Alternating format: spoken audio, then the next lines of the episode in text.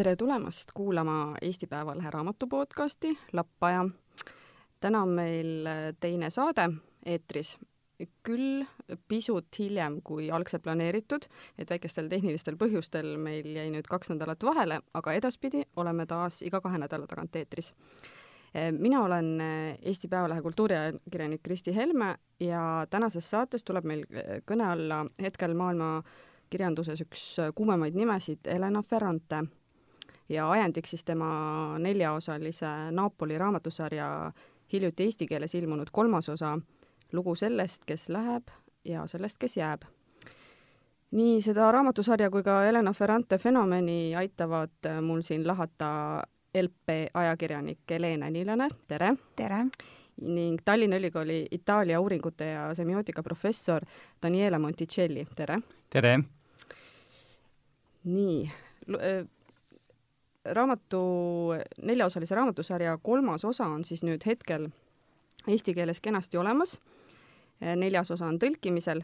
et võib-olla väga lühidalt inimestele, kes siis üldse ei ole kursis Napoli raamatusarjaga, et võib põhimõtteliselt vist ühe lausega öelda nii, et et see on lugu kahe naise sõprusest, mis saab alguse viiekümnendate Napolis nende lapseeas ja kestab ajani, mil nad on juba üle kuuekümneaastased e,. alustame siis e, Danielest, et milles, milles Napoli tetraloogia fenomen õigupoolest seisneb, et kuidas Ferrante suudab nii erinevates kultuurides kasvanud inimesed niimoodi ära tinistada mm? -hmm. jah, see on alati üsna raske öelda, miks mingit raamat äh, niimoodi meenukaks muutub, et ähm, antud juhul äh, võib-olla veel raskem äh, selles mõttes, et äh, et just nagu sa ütled, see, et see juhtus eri, väga erinevates kultuurides, aga samas noh, raamatul on mm, mingil määral vähemalt päris tihe nagu seos selle keskkonnaga, kus, kus see tegevus toimub, nii et ta võib-olla mingil määral nagu eeldaks ka veidi teadmisi või huvi vähemalt selle keskkonna vastu, ehk siis Napoli linna nagu peale teist maailmasõda ja võib-olla üldse nagu Itaaliat. aga mm, samas me näeme seal väga sellised universaalsed kuidagi äh, väärtused või, või või lood, eks ju, nagu sõprus, kahe naise nagu kasv ja äh, ja üldse noh, see, kuidas inimene nagu oma äh, keskkonnas äh, nii-öelda ellu jääb või üritab seda muuta, on oma, omakorda nagu mõjutatud selles keskkonnas, need on väga nagu sellised universaalsed teemad tegelikult ja äh, võib-olla mis teeb nagu äh, Ferrante raamatu või, või tetraloogia tegelikult väga äh, eriliseks, on see, et seda me võime lugeda ka kui niisugust arenguromaani, eks ju, sellist noh, klassikalist nii-öelda bildungsromaani, aga võrreldes sellega äh, tal on mingid selged eripärad, et võib-olla üks on see, et äh, peategelased on naised, kus tavaliselt arenguromaanis on tegemist noormehega äh,, see, et ta käsitleb äh, nende arengut alates lapsepõlves, et siis noh, terves esimeses raamatus on tegelikult peategelased lapsed, see on ka üsna ebatavaline. ja võib-olla ka see, et äh, et tegelikult peategelased on kaks ja võib-olla peategelane nagu kuidagi veidi ülekantud tähenduses on nende sõprus, et äh, et võib-olla need mõnes mõttes uuenduslikud momentid äh, väga kõnetasid äh, publikumi ja, ja või me võime ette kujutada, et et ta täitis mingisugust auku, mis muidu on maailmakirjanduses olnud ja, ja, ja selles mõttes oli väga oodatud sellist käsitlust. aga Helen, mis sind nendes raamatutes kõige rohkem köitis, et ma tean, et sina leidsid tegelikult raamatud juba enne, kui nad eesti keeles olid ilmunud ja lugesid hoopiski inglise keeles äh,? Jaa, et äh, mina siis jõudsin Ferranteni nüüd peaaegu aasta tagasi äh,. lihtsalt äh, selle toel, et vaatasin, et äh, mitmed tuttavad loevad ja mõtlesin, et miks mitte siis äh, ise ka ühel õhtul äh,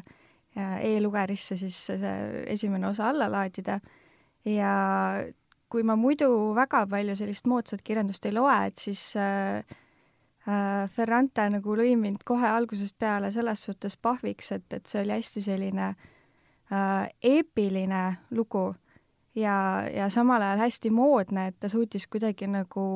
sellisesse moodsasse kesta nagu kokku panna nii palju kihte ja selliseid suuri väärtuseid ja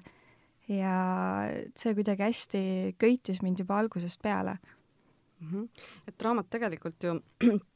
küll ei ole kaugeltki mitte üksnes äh, suhtedraama, vaid äh, harib lugejat ka Itaalia ajaloo osas, aga väidetavalt küll kõik Napoli inimesed ei olegi väga rahul sellise kriitilise kujutamisega, et et üldse Itaaliat ei ole võib-olla nii väga positiivsetes värvides maalitud. et Daniel, et kuidas itaallased ise on need teosed vastu võtnud? Ja ma arvan, et äh, siin me peame eristama nagu kahte aspekti, üks on ähm, selle romaani nagu menu, nende romaanide menu nagu ise ja, ja võib-olla Ferrante ka isik ja, ja teisel pool nagu äh, raamatu nagu sisu, et ma arvan, mis puudutab raamatu sisu, ma ei usu, et itaallastel ja ka Napoli elanikele midagi väga noh, šokeerivat seal on, nagu et äh, kui me mõtleme äh, kirja, Itaalia kirjandusele, näiteks noh, ütleme selline, sellisele kujule nagu ka väga tuntud rahvusvahelisel nagu Roberto Saviano, kes oma Gomorra raamatus, mis on tõlgitud eesti keeles ka, ja kusjuures sellest on tehtud ka seriaale nagu, mida näidatakse vist, ma ei tea, kas Eesti kanalites, aga Foxis vist näidatakse, nii et saab seda näha ka Itaalias. no ta kirjeldab nagu seda Napoli maffia väga-väga mustades värvides nagu, et äh, ja ta kirjutab, ta kirjeldab seda nagu ajakirjaniku pilkuga, nii et noh ähm,, selles mõttes veel äh, mõnes mõttes realistlikumalt ja julmemalt nagu kui, kui Ferrante ise, nagu seal ei ole midagi Savianos nagu ilustatud. ja Saviano puhul on ka nagu täpselt seesama poleemika olnud natukene, et noh, kas asi ongi tõesti nii must nagu. nii et selles mõttes noh, selles osas ma ei ütleks, et midagi uut oleks itaallaste jaoks, et noh, see, et noh, Itaalia sõjajärgne Itaalia ajalugu ongi olnud äh, väga äh, vägivaldne äh,, ta on olnud väga verine äh,,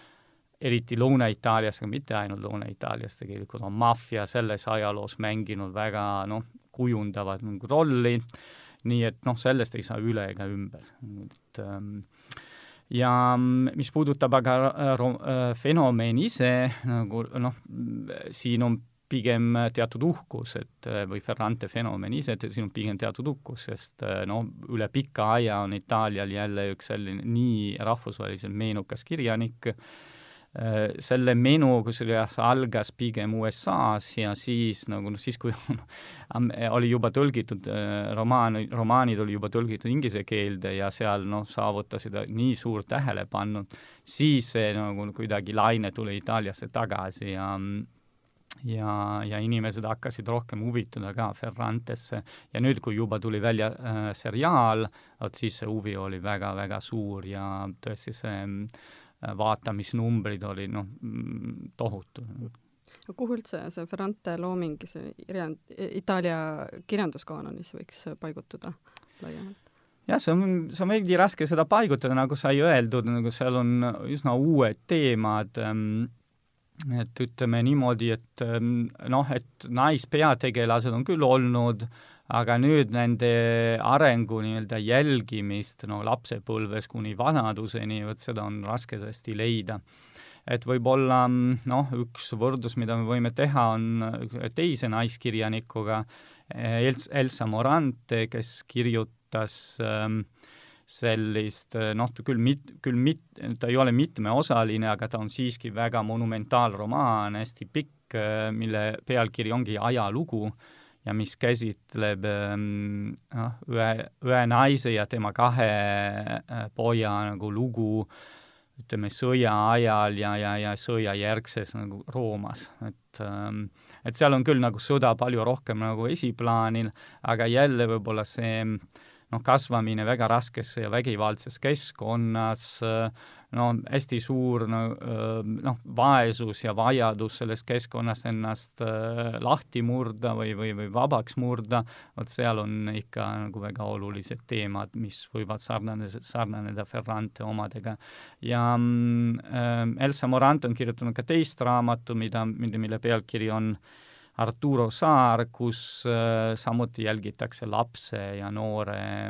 küll mehe nagu kasvamist, nii et võib-olla sealt saab tõmmata teatud paralleeli, aga no ikka tuleb rõhutada, et äh, Ferrantes on kindlasti midagi väga uut, äh, mis, mis ka nagu tähelepanu nagu äratas mm. aga et kui pisut nüüd selle ütleme, peategelaste juurde siis nüüd jõuda, et tegemist on siis äh, Liina ja Leenuga. et äh, täpsemalt siis äh, ühesõnaga, selles mõttes nende nimede osas võib tekkida alguses võib-olla isegi veidi segadus, kuna seal on, esiteks on teoses tohutul hulgal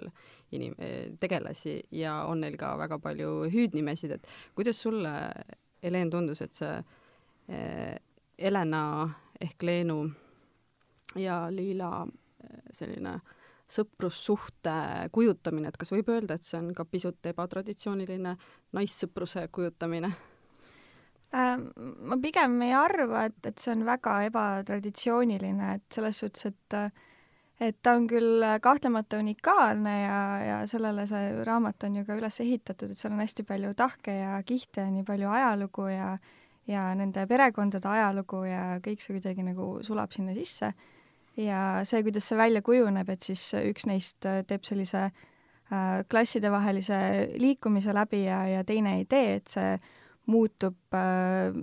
teatud hetkedel siis nagu ebavõrdseks ja siis jällegi mingitel hetkedel nagu võrdsustub.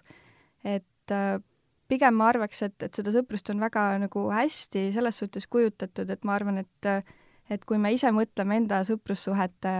peale nagu tagasi, et, et kindlasti need ei ole kõik väga lihtsad ja, ja sellised algusest peale toetavad, et seal on väga palju sellist rivaalitsemist ja kadedust ja ebavõrdsusest tulenevat sellist nagu omavahelist äh, hõõrumist.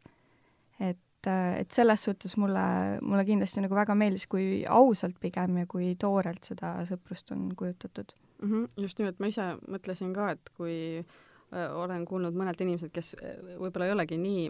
vaimustuses Ferrantest, et olen kuulnud väidetavat, et tegelaskujud on ebameeldivad, siis mulle ka tundub, et ehk on nad äkki hoopis ausad. Jah, just täpselt, et äh, et Ferrante siin kahtlemata ei ilusta midagi ja, ja mis mulle veel nagu huvitav tundus, oli see, et kuidas siis see mina tegelane äh, kuidas ta ühtlasi on küll väga enesekriitiline ja, ja samas nagu oma mõttes klatšib siis taga ka oma seda parimat sõbrannat aga hästi palju on mingisuguseid asju, mida ta võib-olla ei taha ka endale päris äh, niimoodi välja öelda, nagu, nagu ta võib-olla sügaval sisimas ka tunneb, et seal on nagu selline huvitav tants nagu äh, sellise aususe ja siis selle vahel, et mis ta nagu ütlemata jätab võib-olla iseendale või siis jõuab mingisuguste järeldusteni alles hiljem lõpupoole mm. -hmm nii et äh, Ferrantet lihtsakoelisuses ei saa kuidagi süüdistada ei jah, et äh, Daniela, kuidas äh, sulle, et ma saan aru, et ka sind siiski suutis Ferrante köita ka nende tüdrukute, nii-öelda see tüdrukute lugu suutis köita? jah, ma ei oska väga, jah, nagu Helene ütles, et äh, kui ma olen rääkinud äh, Ferrante naislugejatega, siis tavaliselt jah, nad väidavad küll, et see on üsna realistlik äh, kujutlus äh, naiste-vahelisest sõprusest. ma arvan, et äh, sellest on palju kirjutatud ja ma arvan, et see on äh, jah, üks äh, üks äh, ütleme, uudsus, mis seal raamatus on, on kindlasti seda, et et Ähm, et ju kujutatakse ju seda naistevahelist sõprust, et noh, on mingid teooriad, eks ju, mis väidavad, et noh, tõeline sõprus on ainult meeste vahel aga, aga nüüd äh, Ferrante näitab midagi muud, noh, see on muidu loomulikult niisugune väga noh, ütleme šovinistlik ja, ja seksistlik nagu teooria aga siiski mõned usuvad sellesse. aga Ferrante näitab, et seda on olemas ja seda võib kujutada nagu kõikide nende noh, nii nagu Helen ütles, selliste noh, keerukustega, nagu, nagu seal raamatus on ähm, ma arvan jaa, et see, see, mis köitab selles ähm, loos, isegi kui, kui ei ole võimalik nagu ennast noh, päris identifitseerida nagu tegelastesse, on minu meelest see, kuidas nad ähm, üritavad ikka siiski üksteist toetada oma noh, nii-öelda emantsipeerimistaotlustes, et kuidas no välja murda sellest nagu keskkonnast, mis neid rõhub no,. et seda nad üritavad küll pidevalt teha, et äh, need hõõrumised võib-olla on teistes asjadest, aga aga see ei kao nagu kunagi silmist ja arvan, et siin Liila toetab hästi palju Helenat selles haridusteel, et ta lükkab teda nagu edasi ikka õppida ja, ja tegutseda ja samas Helena ähm, edu nagu selles haridustees innustab ka nagu Liila mõnes mõttes järelt teha nagu, et ähm, et see on, see on selles mõttes raamatus ilus, kuigi noh, peab ütlema, et jah, Ferrante midagi ei ilusta ja need katsed ähm, enamasti nurjuvad kahjuks seal, et ikka see keskkond tõmbab neid pidevalt tagasi ja, ja ei lase neid la-, päris lahti minu arust noh, huvitav ongi see, et, et me räägime nüüd, et selle raamatu põhiline selline kandev idee ongi kahe naise vaheline sõprus, et mis seal siis nagu nii suurt on, et, et sellest võiks nagu neli raamatut lausa kirjutada. Et, et see just võib-olla viitabki sellele, kui, kui vähe on, on seni sellist sõprust kujutatud ja kui eriline see on just selle tõttu, et need tüdrukud kasvavad ju üles viiekümnendate Naapolis ja, ja pärast seda äh, kus siis äh, naiste roll on kahtlemata midagi muud, kui, kui ta on täna. ja, ja see sõprus ja see, mille osas üksteist toetatakse ja kuidas siis üritatakse sellest äh, karmist keskkonnast välja murda, et, et see jube hästi nagu tõmbab rolli sellel, või tähendab, tõmbab tähelepanu sellele naiste rollile, see sõprussuhe siis. et võib öelda kindlasti, et Ferrante on feministlik autor. absoluutselt. Ja, ja võib-olla jah, tõesti see, kui kujutad ette, noh, mis on niisugune meeste sõprus nagu klišeelik ähm, no arusaam nagu kirjanduses, no ütleme, kui võtta Homeros juba nagu Patroclus ja Achilleus, eks ju, see kõik põhineb kangelastegudele nagu ja, ja, ja, ja nii edasi. Aga no vot siin Ferrantes me näeme seda noh, igapäeva nagu ellujäämise äh, küsimus nagu väga tõuseb esile ja igapäeva nagu no nii-öelda pisiasjade kuidagi raskus ja, ja vajadus neid pidevalt nagu ületada, mm. et et vot see on see, mis kindlasti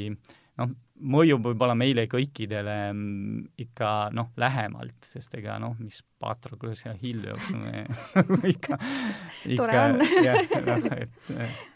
jah, ega neid või, e, samamoodi on ju kangelastegu tegelikult võib öelda ju ka Leenu väljarabelemine sellest keskkonnast, kui tegelikult ju ei soovi, ta pidi ju võitlema isegi kooli teise astmesse õppima saamise õiguse üle. no täpselt nii ja ma ütleks, et samamoodi on Liila kangelastegu nagu otsus nagu jääda sinna keskkonda mm -hmm. ja üritada sinna mingi kas või väikese vahe teha mm. -hmm kui, kui nüüd rääkida selle raamatu eh, tõlkest, siis eh, Helen, sina oled lugenud, eks ju, inglisekeelseid ainult? aga Daniel, et, eh, et sa oled pisut lugenud ka eestikeelseid teoseid, kuidas Tiina Randviiru tõlkega võib rahule jääda, sest ilmselgelt ei olnud tegemist väga kerge ülesandega, kuna seal eriti alguses palju ka Napoli dialekti mm.. ja ei, ma arvan, et tõlk on väga õnnestunud selles mõttes, et ta toimib nii-öelda, ta on sujuv, see on hea lugeda, me oleme seda koos tudengitega lugenud eesti keeles. Ja mm, loomulikult see noh, dialekt läheb kaduma seal, ega see ei ole, mm, see ei ole põhimõtteliselt võimalik seda reprodutseerida tõlkes. Ja ta kuidagi noh, oleks äh, noh, kui panna sinna, ma ei tea, võru keelt või, või, või või, või setu keelt, eks ju, see oleks naljakas, et ähm, ähm, nii et selles mõttes äh, jah, võib-olla kõnekeelsus on natukene seal üritatud ähm, jäljendada aga jaa, muidu ma arvan jah, et see on väga adekvaatne tõlke ja, ja Eesti lugejal on võimalik küll äh, kogu selle raamatu nii-öelda väärtust selle tõlke kaudu nagu saada mm. -hmm. vahele ma ütlen, et äh, Varraku kirjastusest äh, siis lubati neljanda osa tõlget eesti keeles peaks see nüüd ilmuma ilmselt veebruaris, et jääme siis seda ootama jätkuvalt, siis Tiina Randvirem on tõlkimas nüüd romaanidest on äh, siis ka esimesest kahest romaanist on ka ekraniseering tehtud ja Eesti televaatajal on olnud ka võimalik seda näha ja Jupiteris on praegugi mõlema hooaja kõik osad üleval, et kui õnnestunuks võib nüüd seda ekraniseeringut pidada, et äh, hinnangud on ikkagi ülivõrretes olnud siiani? et see, see on no mõlemale tegelikult küsimus äh, jah, et äh, ma olen nüüd ka mõlemad äh, hooajad, mis on seni välja tulnud, äh, läbi vaadanud. Ja mis mulle väga meeldib, on see, et äh, et on hästi palju riputud selle alusteksti küljes, mis on nagu ise juba piisavalt filmilik, et seal ei olegi vaja seda vinti üle keerata. Ja nagu ma olen lugenud, et siis ka Ferrante on olnud tihedas suhtluses kirja teel küll muidugi, sest et noh, keegi ei tea, kes see Ferrante täpselt on selle sarja siis kas produtsentide või, või režissööriga ja ise nagu ka kõrvalt jälginud, et, et see sari ja see Napoli tolleaegne kujutamine tuleks siis välja võimalikult täpselt. ja, ja tõepoolest, et ka need äh, lapsed, kes siis mängivad noort äh, Leenut ja Liilet, et äh, on ka selgeks õppinud selle Napoli dialekti ja ja et kogu seda keskkonda on, on siis üritatud võimalikult autentselt kujutada, et, et see on, see on hästi tore. pluss äh, tuleb kiita tegelikult väga palju ka seda äh, neid näitlejaid, et tegemist on ju täiesti Itaalias ka, nagu ma aru saan, tundmatute näitlejatega, kes siis saavad ülihästi nende väga keeruliste karakterite kujutamisega hakkama mm. -hmm. jaa, ma arvan ka, et see on väga õnnestunud, eriti esimene hooaeg, ma arvan, et see see, mis on eriti õnnestunud seal, on eh, see, kuidas on edasi, visuaalselt edasi, edasi antud kõik need ruumilised eh, nii-öelda kujundid, mis on väga olulised ja väga võimsad ka mm, romaanis, et ütleme, alates sellest, kuidas see Aguli on täiesti rekonstrueeritud või, või noh, täitsa nullist nagu konstrueeritud ja ehitatud äh, ja ta jätab tõesti sellist eraldatud maailma mulje seal ja, ja ka nagu see raudteeliin, mis teda eraldab nagu ülejäänud maailmast, tunnel, mida noh, tüdrukud mingil hetkel siis läbivad selleks, et noh, murda, see esimene katse murda seal Agulist välja see Donna Kille kelder, kus, kuhu need tüd-, tüdrukud mingil hetkel, äh, see on nende esimene julgustegu, nagu üritavad nagu tungiva või tungivadki. et noh, kõik need kujundid on väga-väga hästi mm, seal ähm, äh, seriaalis edasi antud visuaalselt, pluss muidugi võimalus kasutada dialekti ja noh, seda aspekti raamatut veel nii-öelda võimendada nagu ka äh, suuliselt äh, jah, min-, mulle endal noh, meeldis palju rohkem esimest hooaega, aga mitte sellepärast, et teist oleks ähm, võib-olla kvaliteetselt nagu halvem, vaid noh, lihtsalt need temaatikad ja noh, sündmustik, mis seal areneb, võib-olla mulle tundus veidi vähem huvitav teismeliste tüdrukute omavaheline hõõrumine. võib-olla jah, nagu just nimelt. Jah, nii, nii mõneltki ma olen kuulnud hinnangud, et see, eriti see teise hooaja lõpupoole läheb veidi seebiooperlikuks võib-olla aga kol-, kui ma ei eksi, siis kolmas hooaeg äh, oli siiski filmimisel, enne kui nüüd see eriolukord peale tuli, et äh, minu teada kas vist kolmanda hooaja neljandast osast peaksid uued näitlejad siis tulema, et toimub selline ajaline nihe. Äh, et ma ütlen ausalt, et mina ise tegelikult vaatasingi kõigepealt hoopiski seriaali ja alles siis sattusin raamatuid lugema. Et, et niipidi sellele äh, Napoli sarjale lähenedes võib küll öelda jah, et siis see, see raamatute seesmine rikkus on kuidagi ka eriti, eriti hästi tunnetatav, et ta annab tohutult palju ikkagi juurde, et ähm, inimesed, kes nüüd on ainult seriaali vaadanud, ma väga-väga-väga soojalt soovitan kindlasti ka äh, lugeda. Et äh, nüüd põgusalt äh, Heleni jutust käis ka läbi see Ferrante isik, et ega me selles mõttes üle ega ümber ei saa äh, pisut siin spekuleerimast, kuna seda terve maailm juba pikemat aega on spekuleerinud, et tõesti ei ole teada, kellega, kellega on tegu. et on tehtud isegi suuri laialdasi uurimustöid ja üritatud ähm, sellele jälile saada, aga need on siiski, nagu ma saan aru, teooriad jätkuvalt, on see nii? jah, nad on teooriad, et ähm, jah, võib-olla see kõige, see nimi, mis on kõige rohkem kõlanud, on ähm, tõlkija Anita Raia nagu nimi, mis on ja, ja temaga koos tegelikult tema mehe ähm, Domenico Starnone, see on kirjaniku äh, nimi, et äh, noh, väidetavasti Helena Raial olid Helena Raiale oli tehtud mingid ülekanned, mis seostuvad kuidagi Ferrante mm, raamatute õigustega, et seda oli keegi välja uurinud ja, ja Domenico Starnone mm, kuidagi stilistiline nii-öelda käe, käekiri olevat nagu noh, selle Ferrante omaga sarnane. asi teeb olla Eesti pub-, äh, Eesti publiku jaoks huvitaks see, et et Domenico Starnoni ja Anita Raia käisid ähm, äh, siin Tallinnas ähm, kirjandusfestivalil ähm, eelmisel äh, kevadel ja väidetavasti nad nad olid ähm, äh, enne kindlalt öeldud, et ähm, intervjuudes ja vestluses nad ei taha Elena Ferrantes midagi kuulda. Et äh, aga Domenico Starnone ähm, üks teos on ka tõlgitud nagu eesti keeles, nii et noh, Eesti lugejad saavadki proovida ka ise nagu vaadata, kas, kas see asi nagu Ferrante äh, tekstidega resoneerub. aga ma arvan jah, et see, ma nõustun nendega, kes arvavad, et see ei ole üldse oluline, äh, kes Ferrante on ja et need otsingud on natukene sellised ähm, äh, noh, niisugused veidi äh, noh, kas teatud kadedudes äh, ähm, noh, aetud või noh, sellis-, sellisest nagu hoiakust, et noh, kes sa, kes sa siis oled siin, niisugune naiskirjanik, kes ennast ka varjad ja, ja nii edukas nagu edu, edukalt ka ja, ja nüüd äh, me tahame nagu äh, igal juhul teada nagu äh,, kes sa oled, et natukene selline jah ähm, noh, võib-olla jälle niisugune noh, võimupositsioonilt Äh, otsitud äh, ähm, kuidagi äh, tõde nagu nii-öelda, mis,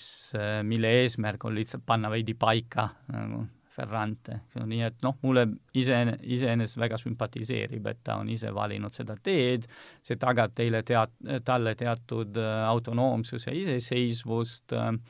ja, ja noh, kui ta tahab ennast kuuldavaks teha, ta teeb seda niikuinii ja noh, muidugi Helena Ferrantena. sest ta selles mõttes, ta ise natukene, Ferrante siiski ka ju mängib ka ise natuke seda mängu, et ta ju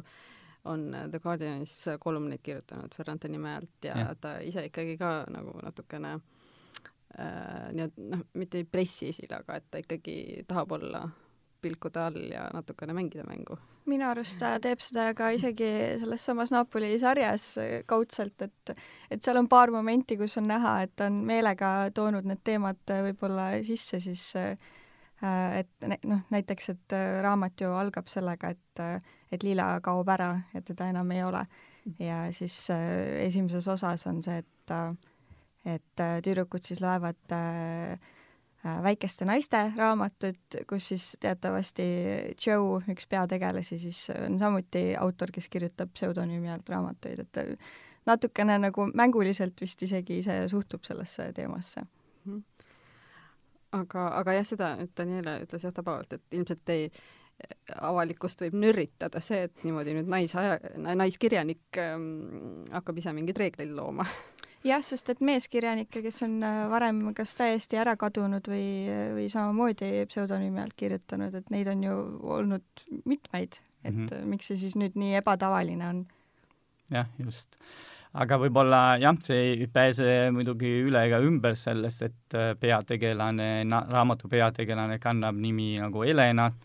ja mm, et jah, siin me päris kindlalt teame, et, et on noh, niisugune autobiograafilised elemendid hästi palju siin seal raamatus, nii et et jah, me õpime tunda võib-olla seda autori um, oma alter ego kaudu seal raamatu sees, jah mm. -hmm. et lugedes ma vahepeal küll ikkagi tabasin, tegelikult lakkamatult muudkui ikkagi mõtlesin, kellega on tegu, et see on nagu mingisugune needus siin pea sees, et ega sellest lahti ka ei saa päris hästi et äh, kuna vahepeal kuskil jah, poole lugemise pealt ma äh, lugesin seda teooriat, et võib-olla ongi jah, kahasse kirjutatud, et siis mulle kohe hakkas tunduma, et, et need äh, nii-öelda seksuaalsema sisuga osad on justkui väga eriti jõulised ja siis äkki neid kirjutas siis üks ja teine, midagi sellist. nii, aga kui, kui nüüd rääkida sellest geniaalsusest õigupoolest, siis minu geniaalne sõbranna, et kumb siis nendest see geniaalne sõbranna on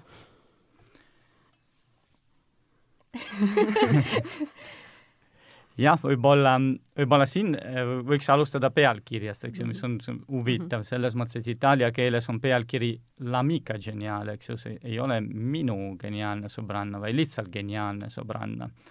küll ees on määrav artikkel, äh, mida eesti keeles ei ole võimalik kuidagi otseselt tõlkida, aga nii inglise keeles kui eesti keeles on valitud jah, seda varianti, et kasutada hoopis ähm,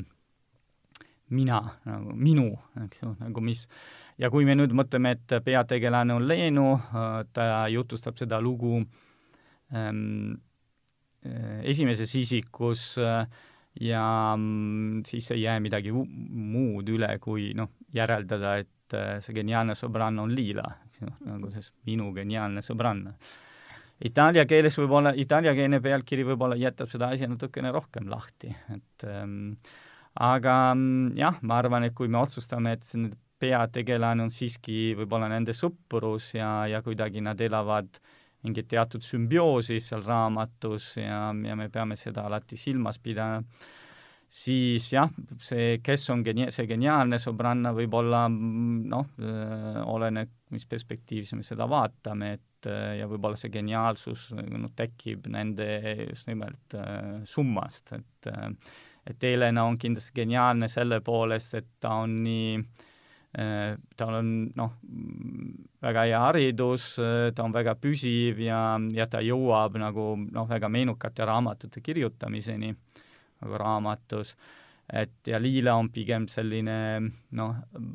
oma annete poolest on geniaalne, et tal ei ole vaja isegi seda haridust, et ähm, või seda formaalset haridust, et ta on võimeline ise nagu Äh, seda kõike saavutada, mida Helena nagu peab noh mm,, suure kuidagi vaevaga ko koolis ja ülikoolis saavutada. et, ähm, et jah, aga vot jälle me peame lugema seda alati nagu koos, et ähm, ja, ja need, nende kahe tüdruku valikud võib-olla tuleb ka alati lugeda ühe teise nagu suhtes, et ähm, nii et võib-olla see geniaalsus jääb sinna kuskile vahepeal rippuma hmm.. kuidas sulle, Helin, tundus? Jah, et selles suhtes on, on küll Ila ja, ja Lenu natukene niisugused nagu yin ja yang, kes kogu aeg üksteisega mängivad, üksteist tõmbavad ja seesama geniaalsus nagu ongi seal kusagil nende keskmes. et, et jällegi Ferrante natukene ise ka mängib sellesama pealkirjaga, kui ta äh, Äh, siis äh, ühe koha peal paneb äh, Liila Leenule ütlema, et, et sa oled minu geniaalne sõbranna, et sa pead edasi õppima ja edasi minema. Et ja siis Leenu muidugi tegeleb elu lõpuni selle küsimusega, et kas ta, kas tema on päriselt see geniaalne sõbranna, et, et kas tema on see targem, kes on nagu ära teeninud selle oma, oma koha ühiskonnas. et äh, et see on jah, mina nagu ei oskakski ausalt öeldes öelda, et kumb see nüüd geniaalsem on, et ilmselt nad ongi nagu üksteist siis nagu tõmmanud ja lükanud mm. -hmm. et nii-öelda tegelikult ju oma Eesti Ekspressi arvustuses käis ju ka välja idee, et võib-olla äh, Liila siis on hoopiski Leenu selline projektsioon, mõtete projektsioon, et võib-olla polegi teda olemas. no see oli jah, niisugune julge ja väga provokatiivne speku-, spekuleerimine nagu nii. aga jaa, ei no kui me arvestame sellega, et äh, raamat algab tegelikult sellest, et Liil on kadunud, et mm -hmm. ja siis äh, Leenu hakkab tema lugu nagu jutustama ähm, siis jah, nagu võib-olla noh, tekib niisugune väike mõte, et, ähm, et, et äkki seda liila ei ole päriselt olemas. Ja siis, kui me arvestame seda, et, ähm, et tõesti lii-, liila niivõrd, nagu Helene ütles, yin ja yang nagu niivõrd äh, täiendab nagu Leenu ja ta on niivõrd äh,, kujutab kogu see, kõike seda, mida äh, mis Leenul nagu puudu mõnes mõttes, et just nimelt sedasama jul-, hulljulgust, niisugust kirglikkust, sellist impulsiivsust oma otsustes ja ja ka sellist noh, lihtsalt loodusest antud nagu geniaalsust, et et siis jah, me võime ka ette kujutada seda, et et jah, see on niisugune ähm, Leenule vajaliku nagu täiendus, mida ta ise noh, nii-öelda välja mõtles mm. -hmm et kas, et mis, mis on, ütleme, Ferrantes, noh, kui nii saab üldse küsida, et mis on see, mi-, mida te tunnete, et te mõlemad olete nii-öelda kaasa võtate sellest kõigest, sellest teekonnast uh,? ma arvan, et see terve see neljaosaline sari on täis nii palju erinevaid teemasid, millega uh, just eriti noorel naisel on väga palju sellist nagu samastumist ja mis panevad sind võib-olla mõtlema enda uh, suhete, elu uh, mingisuguste vaatenurkade üle. et, et lisaks sõprusele on, on väga suur teema, on ka ema ja, ja lapse vaheline suhe ja just ema ja tütre vaheline suhe Äh, mis on tihti väga keeruline et, äh,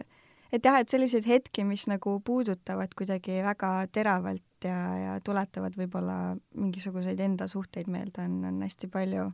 Ja neid hetki, mis panevad mõtlema üldse naise rolli peale siin ühiskonnas ja ja, ja selle peale, et kui palju saab üks üksikisik nagu võidelda selle keskkonna vastu ja selle voolu vastu, mis teda kusagile kasti üritab nagu viia, et et jah, et neid kindlasti mina kandsin küll veel nagu mitu nädalat pärast raamatute lugemist endaga kaasas mm. -hmm jah, ma arvan, et seesama nagu, et ütleme, kui seda universaliseerida natuke, no loomulikult see noh, naiste küsimus on seal väga oluline väga keskne, kui seda universaliseerida natukene, jah, kindlasti ma arvan, et see äh, suhe üksikindiviidi ja tema keskkonna vahel ja, ja eriti üritus äh, noh, selles ke-, selle keskkonna nagu mõjudes siis, kui see, kui need on hästi halvad, nagu nendest lahti saada ja vabaks saada, et ja siin need, noh, see, mis mulle väga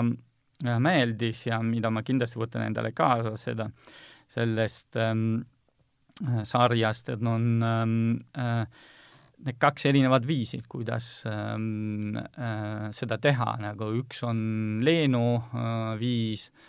et ära minna nagu ja otsida endale teist elu kuskil mujale, et ähm, ja teine on ähm, äh, Liila nagu ähm, otsust, et äh, ikka sukelduda sellesse samasse põrgusse ja minna nagu selle täiesti lõpuni ja vaadata äh,, mis siis juhtub, et ähm, et ütleme, need on kaks erinevad ähm, viisid, nad jälle täiendavad mõnes mõttes üksteist ja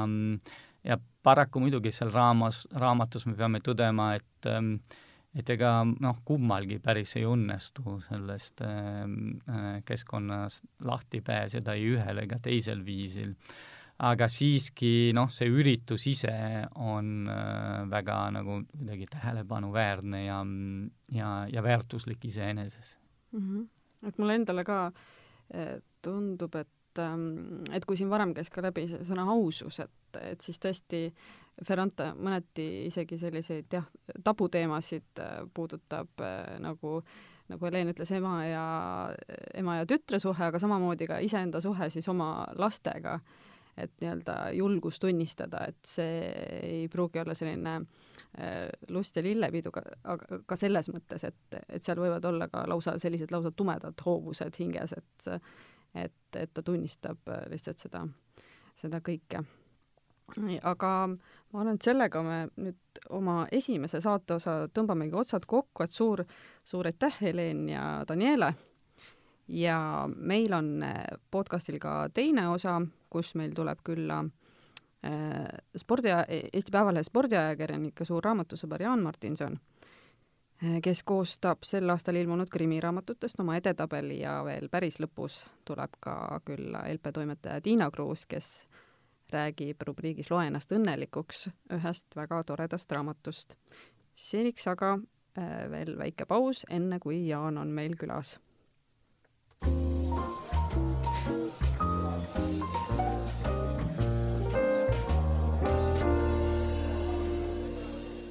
ja tere tulemast tagasi kuulama meie raamatu podcasti Lappaja. meie podcasti teises osas paneb äh, spordiajakirjanik Jaan Martinson ritta eh, selle aasta põnevamad krimiraamatud. tere, Jaan! tere! mida head sa meile lugejatele välja valisid? no tegelikult valikut äh, on palju, ütleme nii, et äh, mingit teistest eristuvat superpärlit ei ole, aga väga häid krimkasid on muidugi tänavu ilmunud ja, ja tegelikult ma ei hakka aasta algusest peale võtma, ma võtan just ütleme nii, et suvel -hmm. suvel ilmunud krimkad, mida ma kahtlustan, et Krimmi fännid on ehk juba lugenud, aga kui ei ole, siis kindlasti soovitan ja ma valisin välja viis raamatut ja ja need on ajalises, mitte paremusjärjestuses. esiteks Anders Roslundi Õnne soovime sul kokku kirjutatult, aga tegelikult on tal äh, ka äh, õi-, õigem pealkiri peaks olema Kolm päeva, sellepärast et see kuulub äh, sarja, kus teg-, tegutsevad infiltreeruja Piet Hoffmann ja politseinik Evert Krents. Hoffmann satub äh, pidevalt hätta, üritades aidata ja päästa Rootsi riiki ja see Rootsi riik tuleb, tekitab igasuguseid jamasid talle, siis Evert Krens peab ta välja päästma. selleks, et ellu jääda, oli esimeses raamatus tal aega kolm sekundit, järgmises raamatus kolm minutit, kolmandas raamatus kolm tundi ja nüüd on siis kolm päeva sellepärast, et Piet Hoffmanni andmed, mis peavad olema absoluutselt salastatud, lekivad välja ja talle antakse käsk korraldada Rootsis relvaärikate vahel sõda, vastasel korral need andmed lähevad nendele, kelle elu ta on omal ajal väga raskeks teinud, mis tähendab siis seda, et, et Piet Hoffmann lüüakse kindlasti maha ja loomulikult ka tema perekond ja ta peab selle probleemi kolme päevaga lahendama ja üks ikoonilisemaid politseikomissare Evert Krants äh, tuleb talle appi. Äh, see on nüüd äh, teine raamat, mille Andres Rosnu, Roslund on üksi kirjutanud, sellepärast et tema paariline Björge Helleström lahkus teise ilma, aga ta saab üksi ka täiesti suurepäraselt hakkama. ma arvan, et Helleström aitab lihtsalt pilve pealt teda natukene kaasa. järgmine raamat on muidugi Agatha Christie viimane vaimune, vaimude tunde, kus on äh, koondatud äh, kakskümmend äh, Kristi lühijuttu pigem tema karjääri alguspäevist. ja pealkiri ütleb, et, et tegemist on vaimudega ja seal on tõesti müstitsismi ja, ja kõike säärast, aga mitte alati ja noh, tavaliselt on, et me arvame, et, et et kuskilt kõrgemad väed teevad üht, teist või kolmandat, aga enamasti on äh, ikkagi inimene selle taga ja kõik tundub nagu väga müstiline, aga, aga tegelikult eriti veel Agatha Christie puhul, äh, kus äh, Hercule Poirot mängu asub, siis noh, vaevalt seal liiga taevast asja oleks. kas antud raamat on nüüd esmakordselt eesti keelde tõlgitud? Jaa, see, need lühijutud, mõningad on ilmunud ja, ja mõned, ma arvan, et, et Eesti e, Vabariigi e, ajal e, kahekümnendatel, kolmekümnendatel kindlasti kuskil ajalehes ilmusid, aga, aga siin on palju avastamist kindlasti ka, ka mulle oli ja kusjuures, mis on huvitav, mõned lood on olnud kunagi ammu-ammu Nõukogude ajal telekas oli teleteatris ma, ja ma tundsin sealt ära äh, paar lugu, et, et et ma, ma arvan, et vanematel inimestel on kindlasti seal äh, avastamisrõõmu. nii, äh, järgmine raamat on Joon Espo ja Pearahakütid ja kõik muidugi arvavad, et jutt tuleb jälle Harry Hallist ehk siis politseikomissarist, kes on pidevalt stressis, joob liiga palju sööb liiga rasvast toitu ja on masenduses ja ei suuda oma pereelu kuidagi korda saada ja ja kõik säärane, aga ei, seekord on täiesti eraldiseisev raamat ja jutt ongi peaküttidest. peategelane, no ütleme niimoodi, et, et ühest küljest ta ei ole nii-öelda halb peakütt, sellepärast et tema ülesanne on firmadele valida võimalikult häid juhte ja ta on selle spetsialist Äh, ülekuulamissüsteemid, äh, särav mõistus, äh, kõik see mängu pannes ta tõesti saab firmadele briljantsed juhid alati, ainult et seal on natukene kõrvalekaldumist seaduslikult teelt, sellepärast et ta on samas ka pisisuli, sellepärast et äh, kaunis ja armastatud naine tuleb üle, üleval pidada ja ta teeb seal, seal ühte-teist musta ja hämarat. Ja ühel hetkel on vaja firma, üht, ühele firmale juht valida ja, ja ta leiabki, et näed, et tõesti kandidaat on, et perfektselt sinna peaks sobima, aga see ei ole see mees, keda ta väga kohata tahaks, sellepärast et üks hämar mäng käib ka sealtpoolt. Ja siis hakkabki jõud versus mõistus omavahel võitlema. Ja, ja tegelikult ega lugeja ei saa lõpuni aru, mis te, toimub. ja, ja alles viimastel lehekülgedel selgub, kus on tõde, kus on vale, et tegelikult väga hea lugemine. järgmine raamat Olga Pogodina Kuzmina ja Uraan ütleme nii, et, et tegelikult see ei peaks krimkade hulgas olema, aga, aga siiski ta peaks krimkade hulgas olema. jutt käib äh, Sillamäest äh, tuhande üheksasaja viiekümne kolmandast aastast alates äh, paari aasta jooksul, kui hakati uraani kaevandama Nõukogude Liidu aatomapommi jaoks. Raamatu kestel ja algu-, alguspooles sureb Stalin. Ja, ja tegelikult äh, seal on mängus metsavennad, seal on mängus äh, äh, lääneriikide spioonid äh,, seal on äh, ühtlasi vanglaromaani sugemeid, sellepärast et üks peategelane on äh, varas, kes pannakse paranduslike tööde kolooniasse, kus toimub parasjagu võimuvõitlus äh, vanade seaduslike varaste ja uute seaduslike varaste vahel. ehk siis, kas uus aeg nõuab uusi seadusi või mitte seal on pioneerid mängus, seal on noored, kes aitavad metsavendasid ja, ja, ja kõik see on pealtnäha päris segane salat, aga, aga kõik need liinid jooksevad vaheldumisi ja jooksevad ühel hetkel kokku. nii et spiooniromaan, metsavendade romaan, vanglaromaan, ehitusromaan Nõukogude Liidu äh, realismi kajastav romaan, nii et äh, mina paneks ta siiski krimkade sekka kas või sellepärast, et see on väga hea raamat. ja viimane on muidugi Lee Child Tasub surra, tema viimane eesti keeles ilmunud raamat äh, ja ma tean, et Eestis on hästi palju Lee Childi fänne, väga paljud neist on inglise keeles kõik need raamatud juba ette ära lugenud, aga aga, aga Lee Child on alati niivõrd hea, et, et kui see mul kätte satub, siis ma ei pane kunagi teda ähm, raamat, lugemata raamatut virna alla, vaid võtan kohe, kohe kätte ja, ja ka see Tasub surra on täiesti tavaline äh,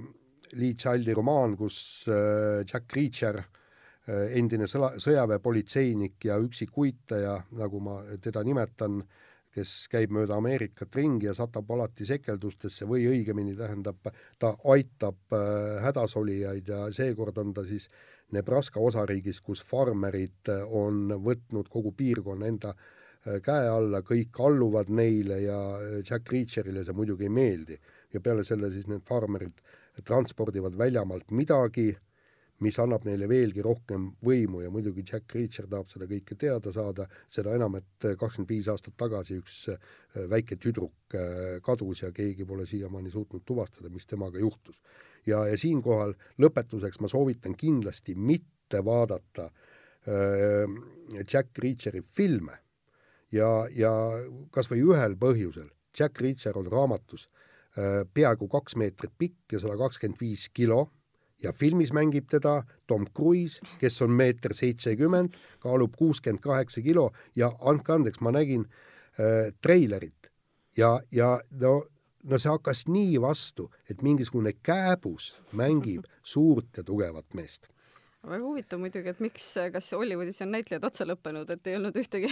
pikemat? ei suuda, ei suuda sellest aru saada, aga no andke andeks, Tom Cruise ei ole Jack Reacher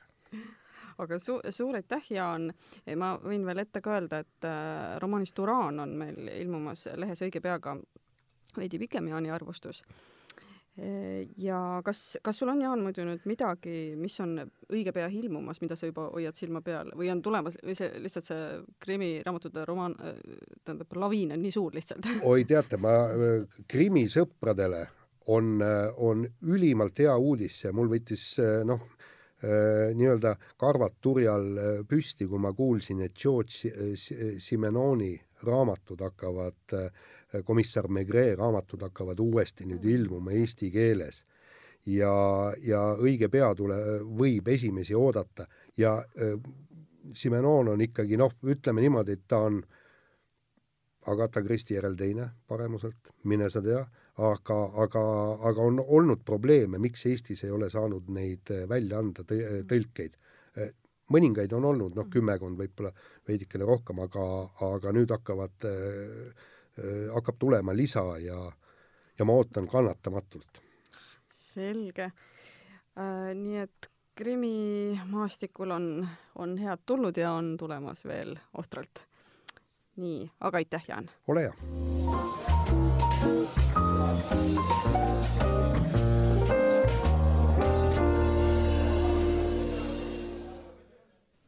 ja tere tulemast tagasi kuulama meie raamatu podcasti Lappajad ja jätkame rubriigiga Loe ennast õnnelikuks. see on selline väga vabas vormis rubriik, kus tuleb juttu mõnest raamatuga seotud kas seigast või siis raamatust endast, ühesõnaga millestki, mis on teinud väga õnnelikuks lugeja ja meil on külas LP ajakirjanik Tiina Kruus, tere! tere! millega sa, Tiina, meid üllatad, mis on sind lugedes õnnelikuks teinud viimasel ajal? Kui ma tavaliselt loen korraga siiski ühte või äärmisel juhul kahte raamatut, siis suvi on äh, oma sellises kõikelubattavuses ja piiride kadumises ja olesklemises viinud selleni, et äh, mul on voodi kõrval maas äh, lausa neli raamatut. Helena Ferrante, Kristiina Ehin, äh, siis lugesin netiväljaandest äsja ETV-s alanud Zuleika sarja raamatut, Äh, tänapäeva välja antuna, mis oli päris hea lugemine, tunduvalt parem kui seriaal. ja mm, eriline maiuspala sel suvel on olnud äh, minu jaoks ühe hea sõbra soovitatud äh, raamat Siiri Hüstveti Lõõmav maailm, mis niisuguse lobedalt loetava muu kirjasõna vahel on olnud tõeline äh, niisugune gurmaani nägitsemine hea kirjanduse kallal mm. -hmm. millest seal juttu tuleb selle sisuks on äh,, on äh, lugu sellest, kuidas eduka galeriiomaniku kunstnikust naine, kelle töid ei ole kunagi eriti tähele pandud, pärast mehe surma otsustab äh, pöörase eksperimendi teha ja otsustab oma teosed äh, teiste meeskunstnike nime all siis näitusele panna ja reaktsiooni oodata, mis sellest kõigest siis saab. E, ja kas see on lahendus, niisugune feministlik vaatenurk sellele, et näete, ma olen naine ja sellepärast mind ei tunnustata, kuigi ma teen võib-olla paremat kunsti kui mehed, kas see on lahendus, seda saab seal lugeda, ja üldse oli see raamat üks ähm, tore niisugune intellektuaalne väike pingutus ja paljude huvitavate äh, ära ununenud või isegi mitte teadaolevate faktide meeldetuletus ja teadasaamine, see raamat sisaldab hästi palju viiteid, mis on keskmise lugeja suur hirm. Ja aga need olid hästi nauditavad, need joonealuste lugemine, kus sai lisaks põhiloole teada päris palju igasuguseid kultuuriloolisi fakte, täpsustusi ja uut infot. Ja nii, nagu mu sõber ütles, et see on väga hea raamat aeg-ajalt kätte võtta, et ta võib-olla ei olegi selline, mida sa loed järjest äh, tohutu sellise pingelise ärevusega, vaid sa võtad ta jälle kätte nädalas paar korda, loed paarkümmend, kolmkümmend lehekülge, mõtled natukene, siis paned ta rahulolevalt ohates sinna raamatukuhja peale, et siis mõne aja pärast ta jälle kätte võtta. ma loodan, et ma jõuan sellega lõpuni, ma olen täiesti kindel selles, sest see raamat pakub nii, niivõrd palju toredaid hetki mm. -hmm. vahepeal siin kontrollisin, raamatupoes on täiesti saadaval raamat, et see on siis moodsa aja eh, sarjas Varrakul tõesti ilmunud jaa, ta alles aasta algul mm -hmm. nägi mhm. ilmavalgust ja tänapäeva raamatumüügi tempode puhul alati, muidugi pool aastat hiljem on ta ilmselgelt veel saada Just. poes, jaa. aga aitäh, Tiina, selle väga-väga hea ja sisuka soovituse eest! võta heaks!